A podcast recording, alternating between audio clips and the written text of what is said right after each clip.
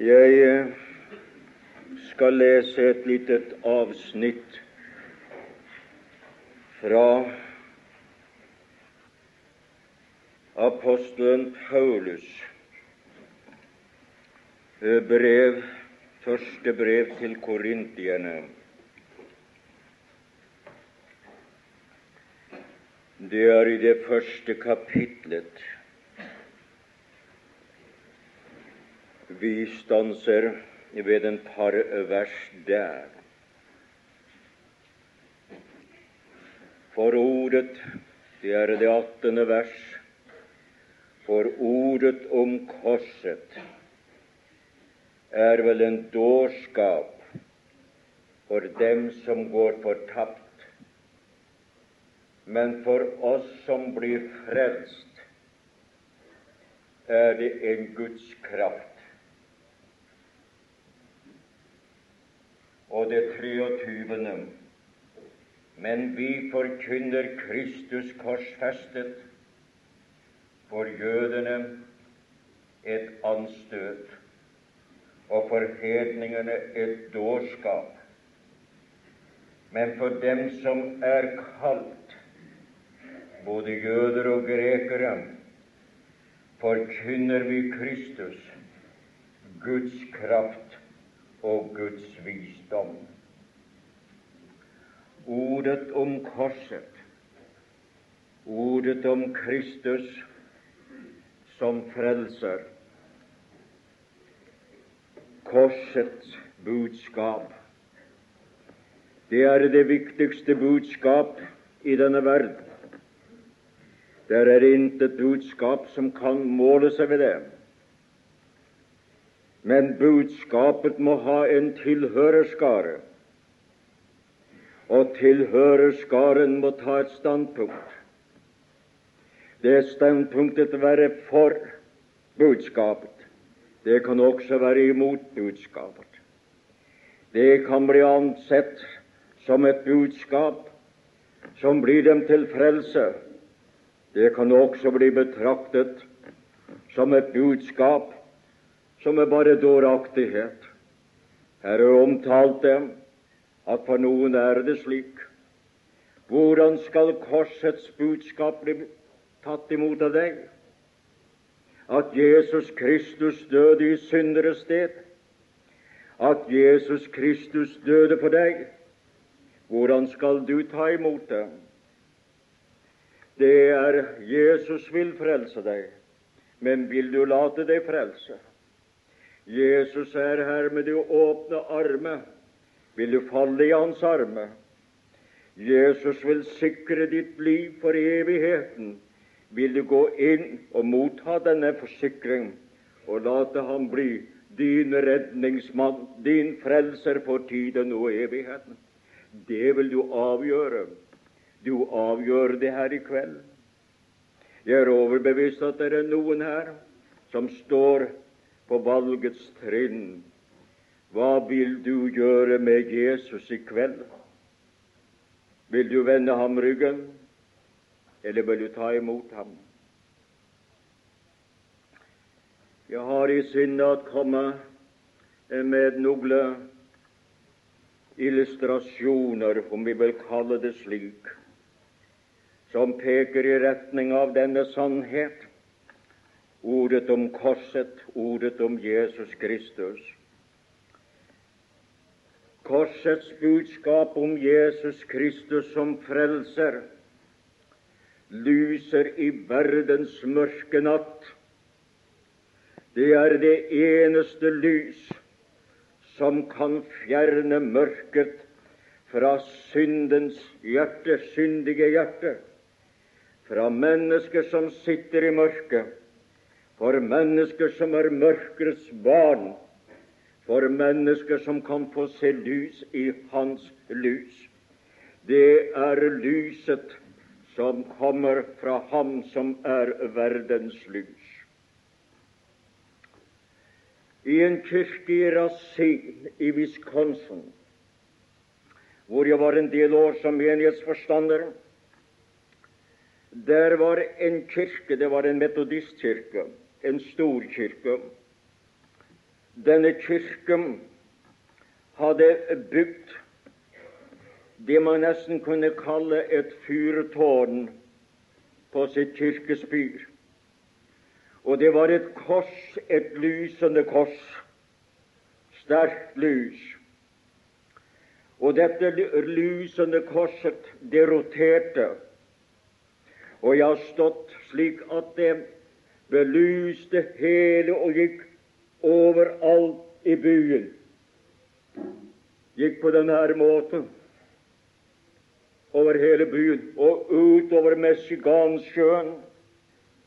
Og jeg har ofte stått i det lyset hvor jeg ble belyst, og hvor omgivelsene ble belyst, og sakte forsvant det. Du, min venn, her, du er i lyset. Ordets forkynnelse om Kristus, det er lyset fra korset. Det er lyset om Kristus som stanser som vil frelse deg. Du er inne i lyset for at du må få lov å se at det er Ham som er frelseren. Det er korsveien, det er Kristus på korset. Du må inn i det lyset. Og kommer du til det lyset, så vil du finne Ham. Og finner du Ham, så finner du budskapet om korset, at Han døde for syndere. Han døde for deg.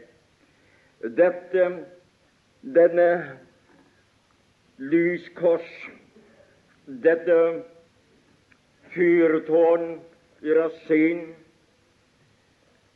det lyste utover Michigansjøen, og det var før det var radio og fjernsyn og muligheter på kontakt med skipene. Og det har vært mange beretninger om skip som har blitt reddet just ved dette, at lyset fra korset nådde dem, og de fikk lov å legge sin kurs, kurs og de fikk rede på hvor de var, og de fikk rede på hvor havnen var, for de fikk se den ved korsets lys. Den lyste veien for dem og viste dem der kan de komme. Det er sikkert sikker farvann. Du, min venn, her i kveld, vil du følge lyset til Jesus? Vil du late ham gjennomlyse deg så du får se din synd? Gjennomlyse deg så du får se ham som frelseren. Gjennomlyse deg så du ser veien frem til ham som er den eneste som kan frelse syndere. Det er hva Ånden vil fortelle deg om. Det er hva Ånden vil lede til at du skal få øynene opp for. Det er den eneste måte å finne frem til den rette havn for din sjel og berge din sjel for undergang det er at late lyset fra korset lede deg hen til Ham som er din frelser. Men en videre korsets budskap, det er en vidunderlig budskap. Det lyser for hele verden. Korsets budskap er en veiviser på en overgang fra Sveits til Italien står der en Kristusstatue ved et veiskille hvor den ene vei er en meget farlig vei og vil også føre bort fra det rette mål fra hovedveien. Og Kristus står der og peker. Statuen står og peker. Det er veien. Det er den du skal følge. Min venn, det er Jesus Kristus som er veien. Jesus Kristus er den som peker. Først kom hit til meg, og så vil han si til deg, følg meg. Bli ved. jeg viser deg vei. Jeg viser deg vei bort fra fortapelsen. Jeg viser deg veien til himmelen. Vil du følge ham som er veien? For han er veien til Faderen. Han er veien til Gud. Han er veien til himmelen. Han er den eneste vei. Ellers er du på villspor. Går du på den brede vei? istedenfor den smale. Den smale vei fører til brede vei fører til tap, fortapelse, for den er ikke, det er ikke Jesus som er veien, men veien Jesus Kristus fører til himmelen. Du vil vel til himmelen, men Jesus er veien til himmelen. Jesus er sannheten om himmelen. Jesus er livet i himmelen. Du kommer ikke få noen ting av de åndelige ting uten at det er ved Jesus. Vil du ta imot ham som din frelse? Jeg spør deg. Du har lyttet til mange budskap, og det fører vi også her. Og det har vært et appell at du skulle ta standpunkt, og ta standpunkt for Jesus Kristus. Korsets budskap om Jesus Kristus skaper fred. Skaper fred. På et stort fjell i Andesbjergene står et veldig kors og samtidig en Kristus-statue. Og denne statuen og dette Kristus-kors er satt opp i fellesskap av to nasjoner, Bolivia og Peru. Og det er satt opp der for å minne dem om at det skal være fred med disse, mellom disse folkene, at de ikke skal gå til krig, men at de skal få lov å leve i fred. Jesus Kristus er den eneste som kan gi deg fred. Han kom og forkynte fred. Det var hans budskap. Det er det gode budskap for alle dem som ikke har fred. For det er ikke fred for en synder og en ugudelig. Ellers kan de ha en falsk fred. Han kom og forkynte fred. Men han stopper ikke bare ved dette å forkynne. Du kan få fred i hjerte og sinn. Han gjorde fred ved sitt korses blod, således at i kraft av blodet kan det bli fred i din sjel, så at du får lov å ha ro i din samvittighet. Det blir stille der inne. Det blir stille der inne. For det var fred, det er stillhet. Stormen legger seg. Uroen blir borte. Du får lov å få stille fred. Det blir for Fred er harmoni. Og da blir det harmoni innad. Først harmoni oppad, så harmoni innad, for at det må bli harmoni utad. Fred, hva er det menneskene trenger mer enn fred? Vi lever i en fredløs tid. Menneskene er grepet av frykt. Menneskene er grepet av angst, og ikke uten grunn. Vi lever på mer enn en kruttønne. Vi lever så å si ved, ved atombommenes sprengning. Fremtiden er usikker, og da vil det komme til å gå millioner. Istedenfor før var det tusener som kunne omkomme så kan hens nesten hele menneskeslekten eller halve delen av blitt utryddet. Fred, det er hva trenges i hjertet. Det trenges i ditt hjerte. Det trenges i hjemmet. Tenk et hjem hvor det er harmoni, hvor det er stille fred, hvor det er hvile. Det var en gang for en tid, ganske lang tid siden, at det var en rik mann som ville ha et maleri som ga uttrykk for fred. Så henvendte han seg til en maler. Kan du være stille og, og finne på et motiv som gir uttrykk for fred? Ja, han lovet skulle tenke på det, og han fant en idé. Han malte et stort, steilt bjerg som så å si flåget gikk utover så det var det rene stup nedfor. Høyt fjell. Oppe på fjellet vokste der et tre, men det vokste skrått utover fjellet, utover avgrunnen. Oppe i trekronen malte han et reir i reiret malte han flere små fuglehoder som stakk ut der, opereret. Der var en fuglemor nedenunder, og så lagde han noen strek på denne måten nedenfor som skulle betyde bevegelse. Storm, storm i fjellet, storm over avgrunnen, storm. Nedenunder skrev han fred. Hvor var det fred?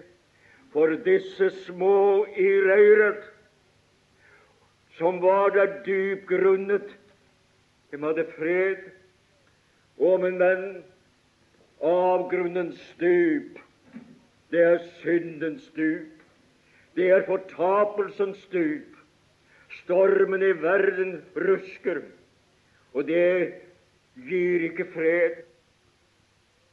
Vil du komme til Jesus og late ham få lov å passe på deg i denne stormens tid, i denne avgrunnens mørke og avgrunnens dyp, ja, avgrunnen i din egen varm, vil du slippe ham til og skjenke ro og fred og hvile i en sjel som ikke kjenner ro og fred.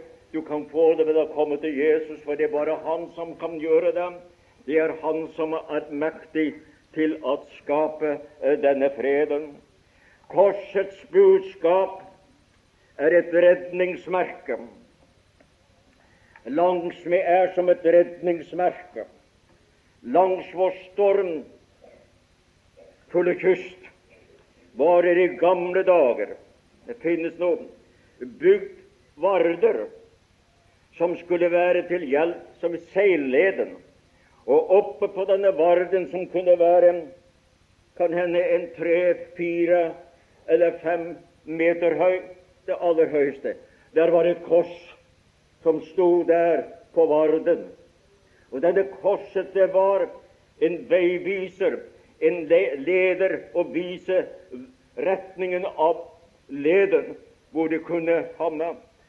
Det er sagt det at det har hendt at mennesker at et skip har gått under, og at de skipbruddene har kommet til og kommet opp på holmen, og de har fått klynget seg til korset nådd opp til det og blitt berget.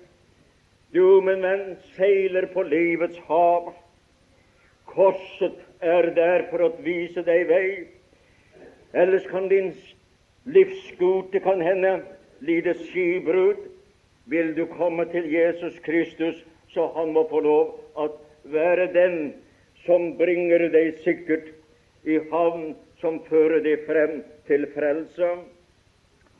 Korsets budskap er et fortøyningssted for sjelen, hvor den kan få lov at finne ro og hvile. Langsmed den danske kyst er det noen steder, i det minste der hvor jeg har reist,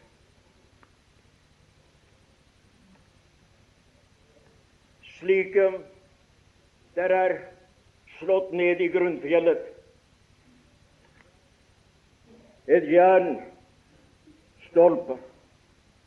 tukk med et kors på. Og denne korset, og utenom dette korset er det en ring. Og når fartøyet kommer og skal fortøye, så trer de trossen ned gjennom ringen og opp over korset. Og så er det ringen som holder igjen at de ikke kan gå opp til det kommer på denne siden. Så ligger skipet der fortøyd. Og korset, det er redningen hvor du kan forankre din livsskute. Korset, Jesus Kristi død på deg, og når du kommer til den, så forankrer du, slik at du kan få lov at få fred og få hvile. Jeg husker da jeg var en ung mann.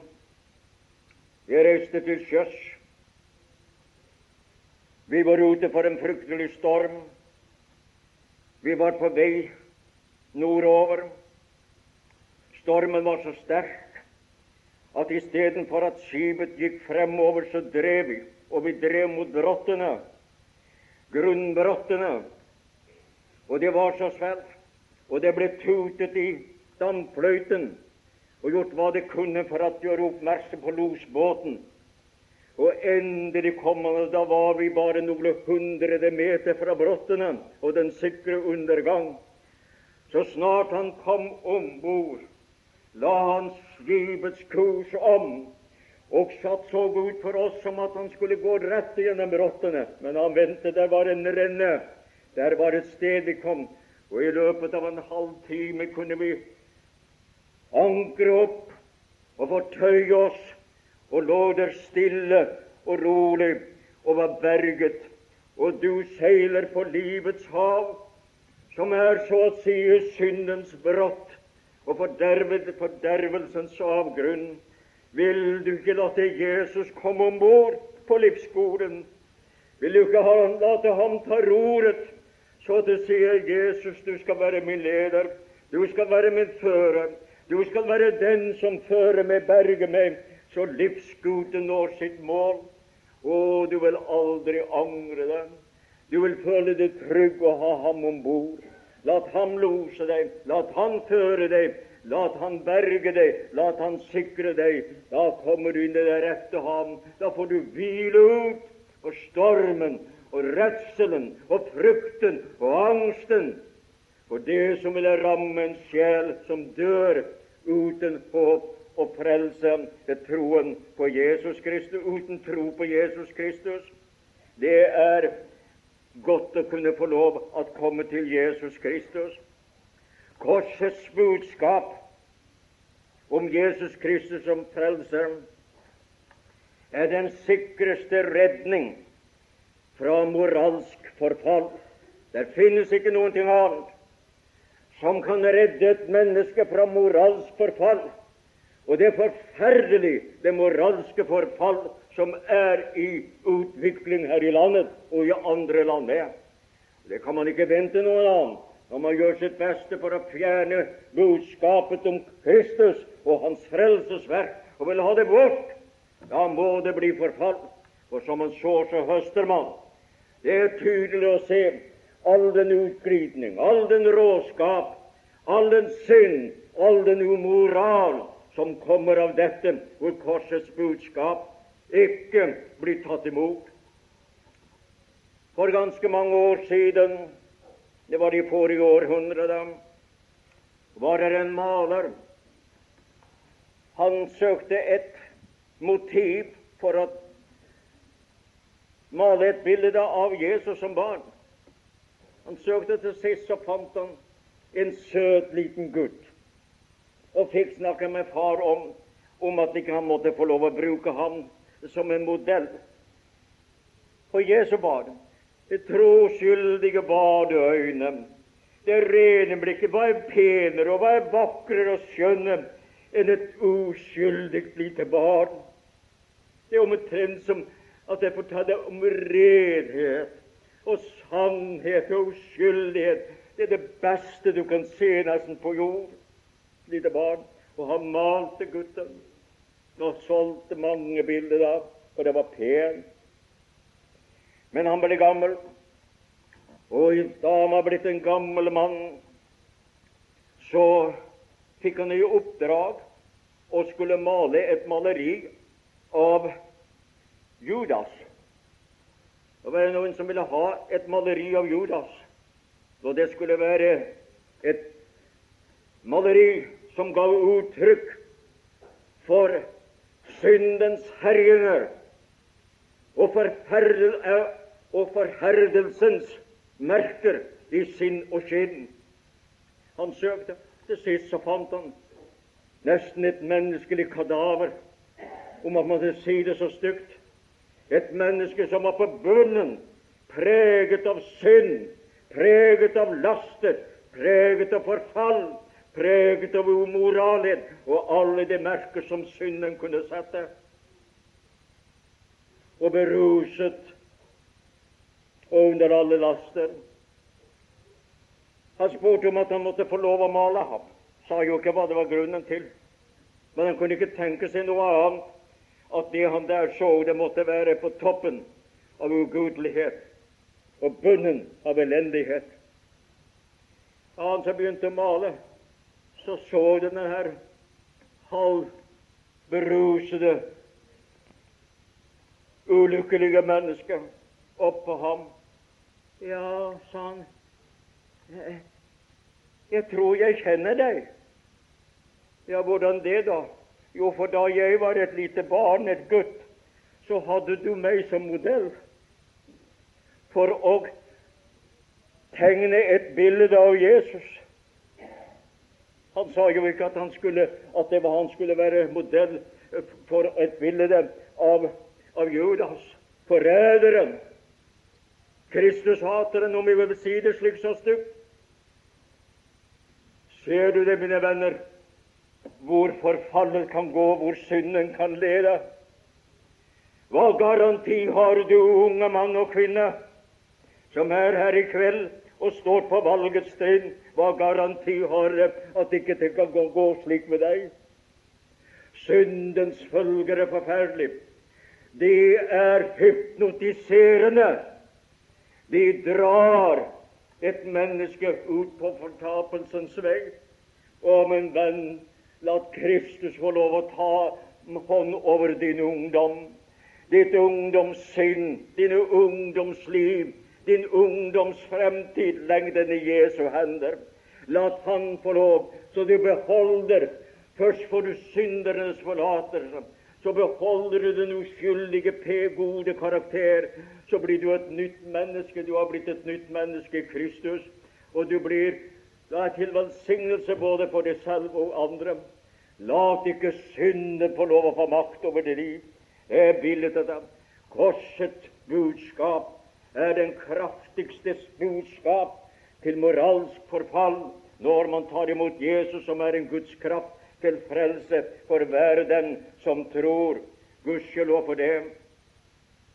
Korsets budskap, det er som en ambulanse som går Du vet når ambulansen kommer, da kan du høre hva det, hva det gjelder. Her gjelder det liv. Her gjelder det om å komme redden og få reddet snarest mulig, for her er det dødsfare. Og med budskapet om Kristus som frelser, som når deg. Det er Guds ambulansebudskap ambulanse for å si For du er jo fallen i synden. Du er jo på fortapelsens vei. Du er jo ved å gå fortapt. For det er du i det øyeblikk du dør og ikke har tatt imot Jesus Kristus. Og hvem har garanti på livet? Ingen. De gamle skal dø, de unge kan dø, men du skal få lov å leve ved troen på Jesus. Vil du la ham få løfte deg? Vil du late ham få lov å leke dine syndesår? Vil du late ham få pleie deg? Vil du late ham få berge ditt liv, ditt ungdomsliv, eller om du har kommet lenger? Å, venn, jeg innbyr deg til ham. Der er du sikker. Og det er gratis. Du må komme, for det er bare nåde. Du må komme, du må ta imot ham så vil han løfte deg, for det greier du ikke selv. Så vil han lege dine syndesår, det kan ikke du. Så vil han gi deg et nytt liv, og du får et ny start. Vil du si ja til ham, du ungdom? Du mann, du kvinne, du ung, du eldre. Si ja til Jesus Kristus i denne stund. Da er det godt å få lov å ta imot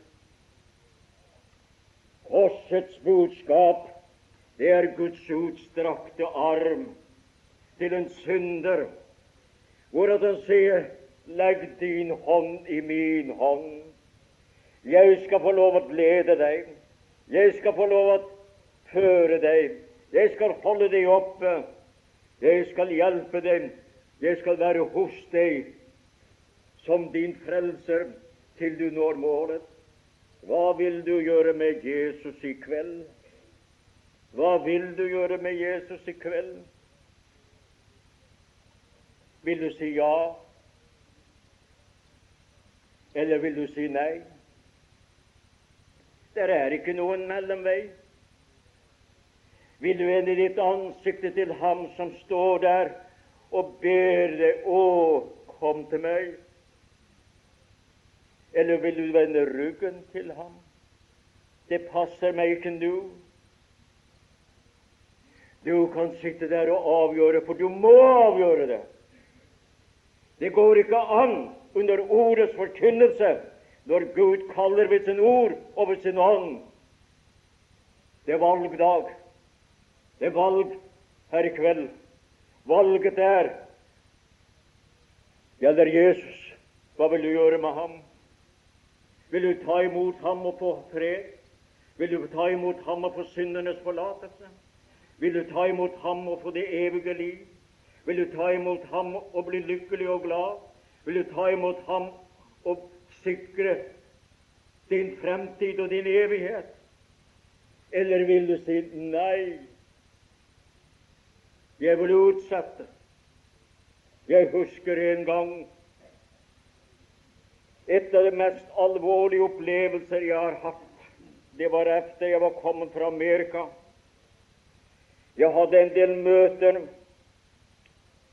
i nærheten av Heskestad og Ueland før jeg reiste til Danmark. Og var der en tiårstid. Og dere var vekke, vi fikk vekkelse. Jeg begynte møterne på et ungdomshus.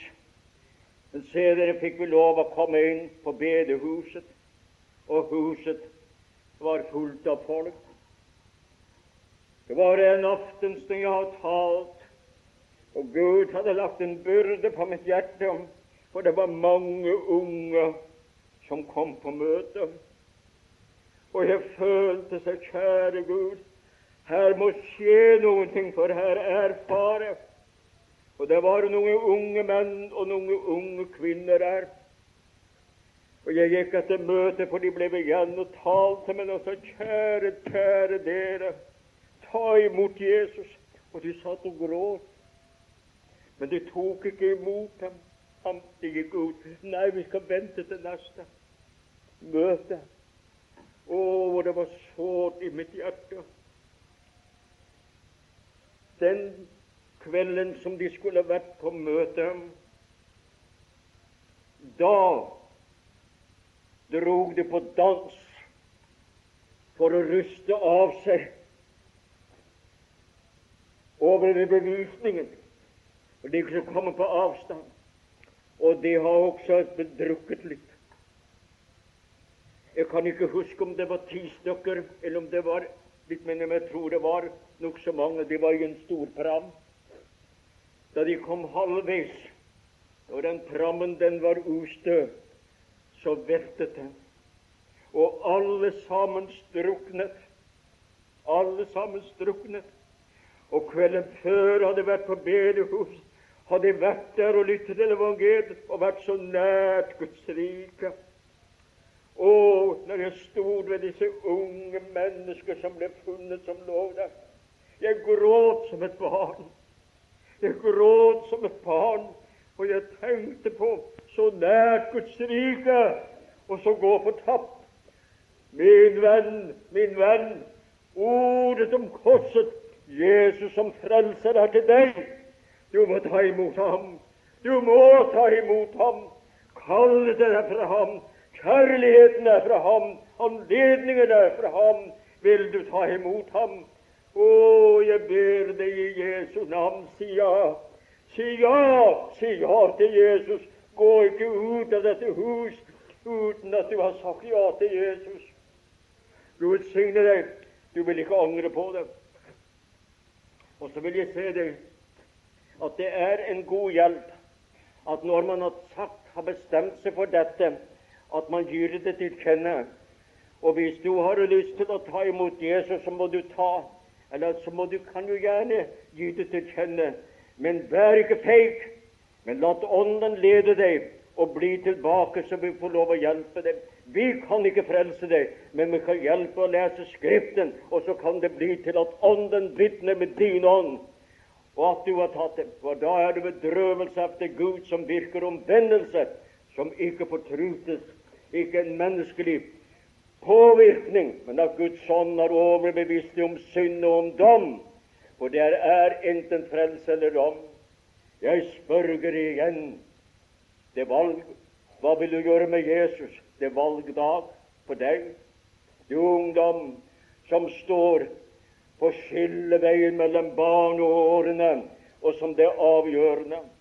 Jeg husker en gang i Rasi, i menigheten Vi hadde hatt vekkelse og fått bedt med en, en ganske mange sjeler. Så spurte jeg en kveld hvor mange er det her som har blitt frelst i årene fra 15 til 20?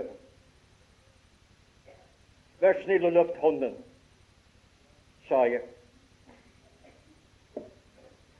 Størstedelen av forsamlingen løftet sin hånd. Ungdomstiden, den gylne tid. Hvor mange er det så da som har gitt sitt hjerte til Jesus fra 20 til 30? Det kom noen hender, men ikke mange. Hvor mange er det her som har gitt sitt hjerte til Jesus etter de var 50 år? Eller jeg tror det var to eller tre. Tiden til å bli frelst i ungdommen. Tiden til å få sitt liv i den rette bane, som er avgjørende for ditt liv og din fremtid, i det beste, edleste som kan tenkes sammen med Jesus. Det er i ungdomsårene. Er valglag. Vil du si ja til Jesus? Jeg ber deg i Jesu navn. Jeg ber deg for Hans kjærlighets skyld. Jeg ber deg for Hans blod og kors skyld. Å, la Han få deg som lønn for sin smerte. Om jeg kunne nå deg og ta deg inn til Jesus, så vil jeg gjøre det. Men du har en vilje. Du kan si ja, du kan si nei, og si da ja til Jesus. Gjør det nå. Du vil aldri, aldri, ja, i evighet, ikke angre på det. Her har du hørt så mange preken. Men Gud var god med meg, jeg har nevnt det før, at jeg hørte en times preken i Amerika, et stykke fra Chicago, og forstod bare et eneste ord og det var hver gang at predikanten sa 'Jesus', 'Jesus', og så begynte Den hellige ånd å tale. Og så kom jeg på mitt takkammer og sa 'Å, Jesus, vil du ta imot meg? Jeg trenger deg. Jeg må ha syndenes forlatelse. Jeg må få lov å være din.' Og så fikk jeg slå på testamentet og kom på dette jeg har nevnt det før, men jeg kan noen som ikke har hørt det og slå på det skal si at verden som påkaller Herrens navn, skal bli frelst. Og det gjorde jeg, og ble det, og er det, og det er holdt, gudskjelov. Kan ikke du gjøre det samme? Kan du ikke ta et avgjørende valg nå? Jeg vil, for Ånden holder, ordet opplyser. Du kan si ja. Det er ikke spørsmål om svære følelser. Det er bare å ta, for ordet er nådd til deg. Og det er ordet om Kristus, en Guds kraft til frelse. La ordet virke. Gud signe hver sjel. La ingen gå ut og ha vendt ryggen til Jesus. O Fader, vi ber i Jesu navn at Den hellige ånd må få lov å holde eftermøte. At han må få lov å ta av Jesus og vise dem frelsens verdi. At han må få lov å virke slik og vise dem dette at i dag er frelsens dag, i dag er Gud å finne. Å, måtte noen bli funnet og vunnet for deg. Vi ber, o Gud, om dette i Jesu Kristi navn.